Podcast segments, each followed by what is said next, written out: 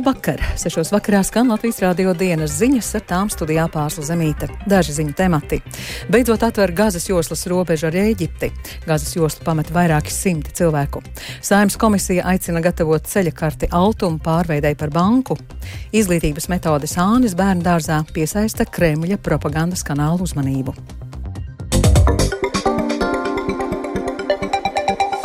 Šodien pirmo reizi kopš Izraēlas īstenotās Gazas joslas blokādes atvērts Rafāhas robežu punkts uz Ēģiptes robežas. Līdz ar to vairāki simti ārzemju pasu īpašnieku un ievainoto sākuši pamest Gazas joslu. Tikmēr Gazas joslā turpinās Izraēlas armijas izvērstās sauzemes operācijas un bombardēšana. Stāsta Rihards Plūme. Līdz ar Rafāhas robežu punkta atvēršanu šodien Gazas joslu pameta aptuveni 110 dubultpilsoņi un arī vismaz 20 ievainoti palestīnieši. Kopumā autobusos un vismaz 20 ātrās palīdzības automašīnās no Gazas joslas uz Ēģipti izbrauca vismaz 150 cilvēki. Pēc ievainoto aprūpes tie tālāk tiek nogādāti slimnīcās Ēģiptē, tālāk no robežas. Vēl aptuveni 350 cilvēki, kas vēlas pamest Gazas joslu, gaida pie robežu punkta, līdz tiem tiks pārbaudīti dokumenti. Kustība notiek lēni, jo ir tikai viens virsnieks, kurš pārbauda pases un pēc tam ļauj izbraukt tiem, kas ir iekļauti atsevišķā sarakstā. Tiek pieļauts, ka šodien robežu varētu šķērsot kopumā 400 cilvēku. Gazas joslā tikmēr turpinās Izraēlas armijas bombardēšana un sauszemes operācijas. Armija kopš 7. oktobra, kad sākās karš ar teroristu grupējumu Hamas, Gazas joslā veikusi triecienus vairāk nekā 11 tūkstošiem ar teroristiem saistītu mērķu. Kaujās ar Hamas iet bojā arī Izraēlas karavīri, un kopš Hamas sarīkotā 7. oktobra uzbrukuma kopumā kaujās ar teroristiem krituši jau 326 izrēliešu karavīri. Izraēlas premjers Benjamins Netanjahu šodien solīja turpināt Izraēlas karu pret Hamas līdz uzvarai, neskatoties uz sāpīgajiem dzīvā spēka zaudējumiem Gazas joslā. Tikmēr Turcija un Irāna šodien aicināja sasaukt reģionālu konferenci, kuras mērķis būtu novērst Izraēlas un Hamas kara izplešanos. Irāna uzsvērusi, ka miera konference, kurā būtu iesaistītas musulmaņu un arābu valstis, būtu jāsarīko cik drīz vien iespējams. Rihards Plūme, Latvijas radio. Krievija turpina triecienus Ukrainā. Hersonā viens cilvēks nogalināts, divi ievainoti, bet pilsētas centram nodarīti nopietni postījumi. Poltavas apgabalā Kremenčukā apšaudīta naftas pārstrādes rūpnīca. Lai gan cietušo nav, te uz simt ugunsdzēsējiem bija nepieciešamas vairākas stundas, lai ugunsgrēku likvidētu. Kopumā aizvadītās dienas laikā Ukrainas austrumos un dienvidos nogalināti trīs civiliedzīvotāji un vismaz 16 ievainoti, liecina prezidenta biroja apkopotā informācija. Ukraina norādījusi, ka Krievija pēdējo 24 stundu laikā ir apšaudījusi 118 apdzīvotas vietas desmit reģionos, kas ir vairāk nekā jebkad kurā dienā līdz uh, šim šogad. Krievija turpina papildināt savus militāros krājumus, meklējot atbalstu aiz robežām. Kāds Dienvidkorejas parlamenta deputāts atsaucoties uz izlūku dienestu informāciju pavēstījis, ka Ziemeļkoreja Krievijai piegādājusi vairāk nekā vienu miljonu artilērijas šāviņu, bet apmaiņā no Maskavas saņēmusi ieteikumus satelītu tehnoloģiju jomā. Nacionālā izlūkdienesta pārstāvi šodien slēgtā sanāksmē informējuši Dienvidkorejas parlamenta deputātus, norādot, ka Ziemeļkoreja kopš augusta veikusi vismaz desmit bruņojumu piegādes Krievijai.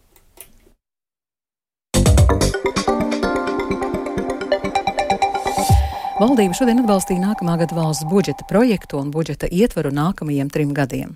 Ieņēmums nākamajā gadā plāno 14,5 miljardus eiro, savukārt izdevums 16,2 miljardus eiro.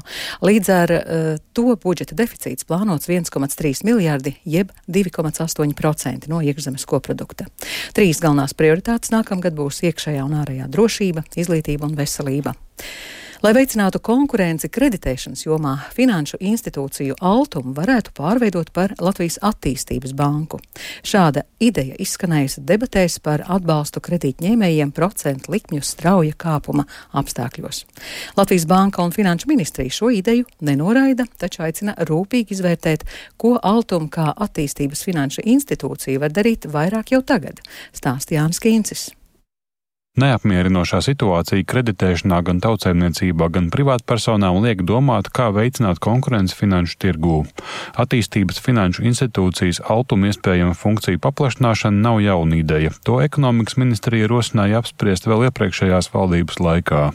Altuma darbību augstu vērtē reitingu aģentūras, tam ir labs kredītreitings un labas iespējas aizņemties finanšu tirgos. Procesam saņemot zaļo gaismu, būtu detalizētas sarunas ar Eiropas komisiju un Eiropas centrālo banku, kas izsniedz izsniedz banku licences.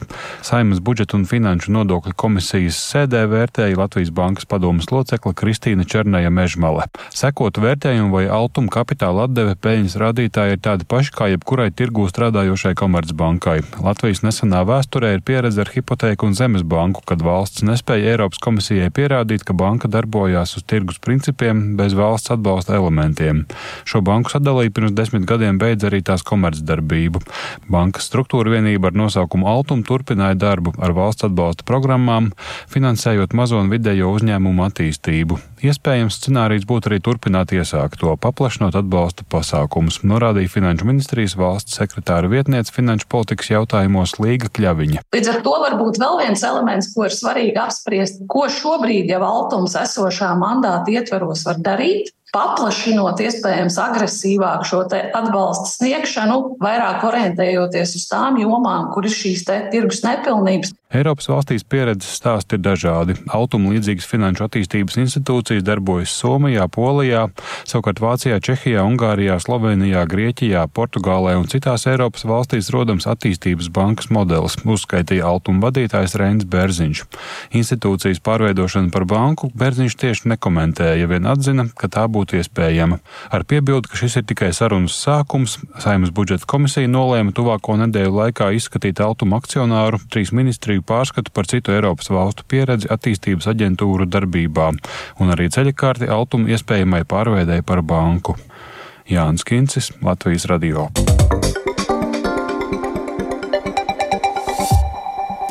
Izglītības metodes ānes bērnu dārzā Jelgavas novadā piesaista Kremļa propagandas kanālu uzmanību.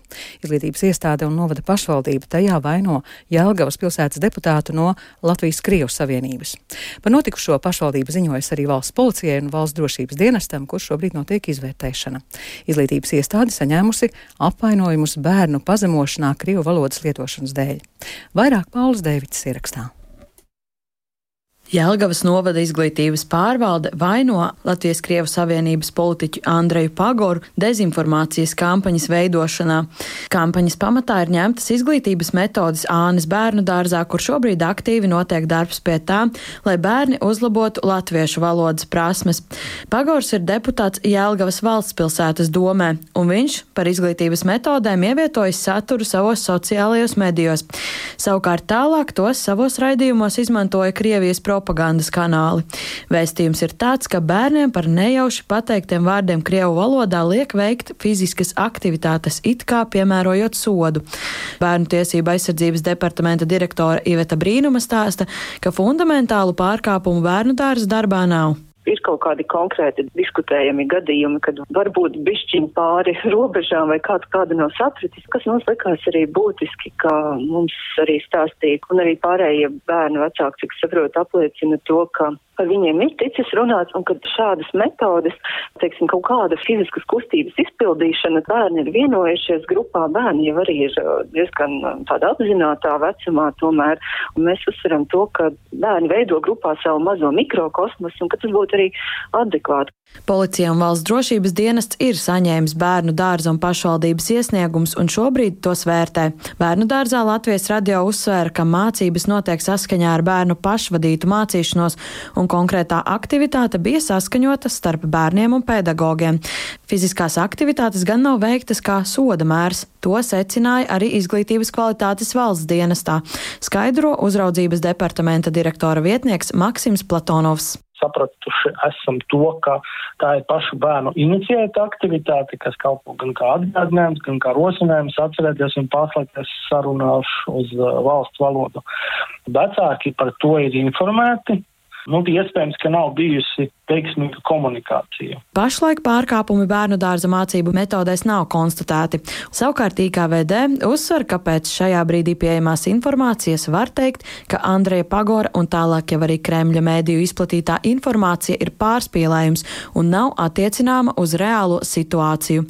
Paula Dēvica, Latvijas radio.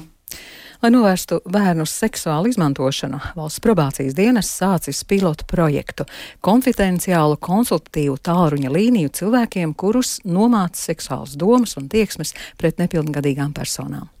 Probācijas dienas cik gadu strādā ar 300 līdz 350 dzimumu noziegumus izdarījušām personām, arī tādiem, kas noziegušies pret bērniem.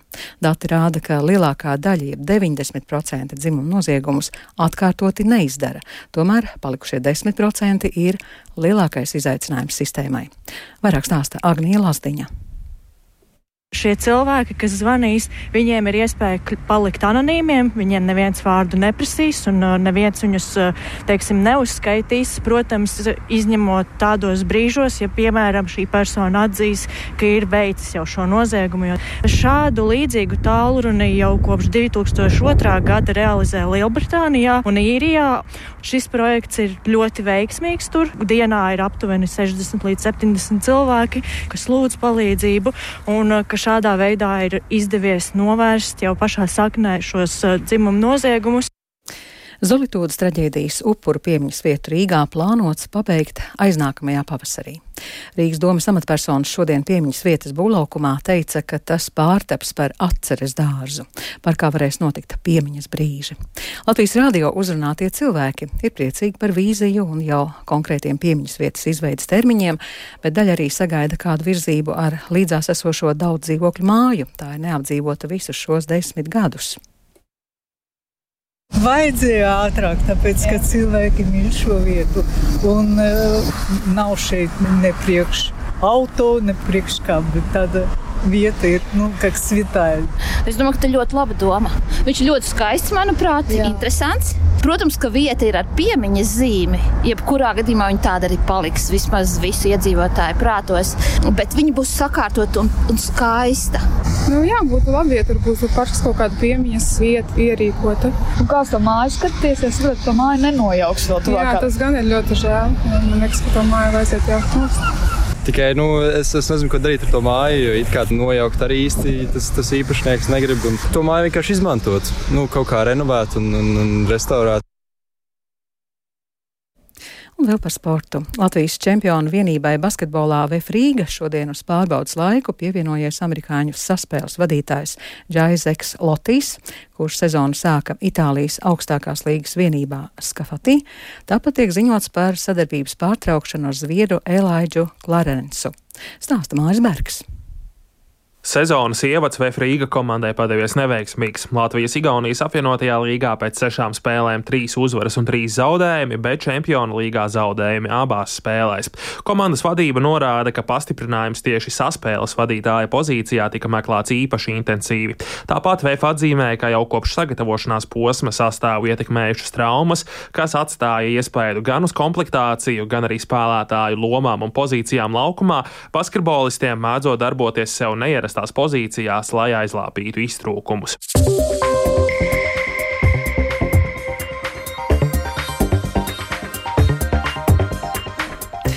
Un ar to izskan Latvijas rādio dienas ziņas. Producenta Rīga Bremse, ierakstus montēja Ūdens Grīmbergs, par labskaņu rūpējās Mārtiņš Paeglis, ar jums runāja Pārsla Zemīte un īsi par svarīgāko.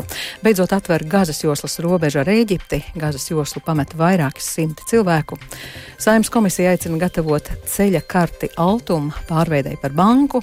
Izglītības metode Sānis bērndārzā piesaista Kremļa propagandas kanālu uzmanību.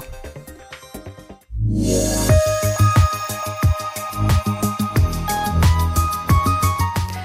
Latvijas vidas geoloģijas un meteoroloģijas centrs informē Rīgā pat labāk 7 grādi, rietumu vējš 4 m2, gaisa spiediens 757 mm, gaisa relatīvais mitrums 69%. Bet kāds laiks gaidāms turpmāk, prognozē Toms Brīsis. Ceturtdienas rīts Latvijā būs dzestrāks, bet nedēļas nogalē atkal kļūs siltāks. Ceturtdienas rītā temperatūra noslīdēs līdz 0,5 grādiem, lietus mitēsies, vietām veidosies migla, dažviet var aplidot ceļi. Turpmāk līdz svētdienai gaisa temperatūra naktīs plus 3, plus 10 grādi, dienās no 6 līdz 13 grādiem. Biežāk uzspīdēs saule, bet brīžiem arī līs. Lietainākais periods nedēļas nogalē būs no piekdienas vakar puses līdz sestdienas vakaram. Valdošie mēreni, brīžiem brāzmaini dienvidu austrumu vēji.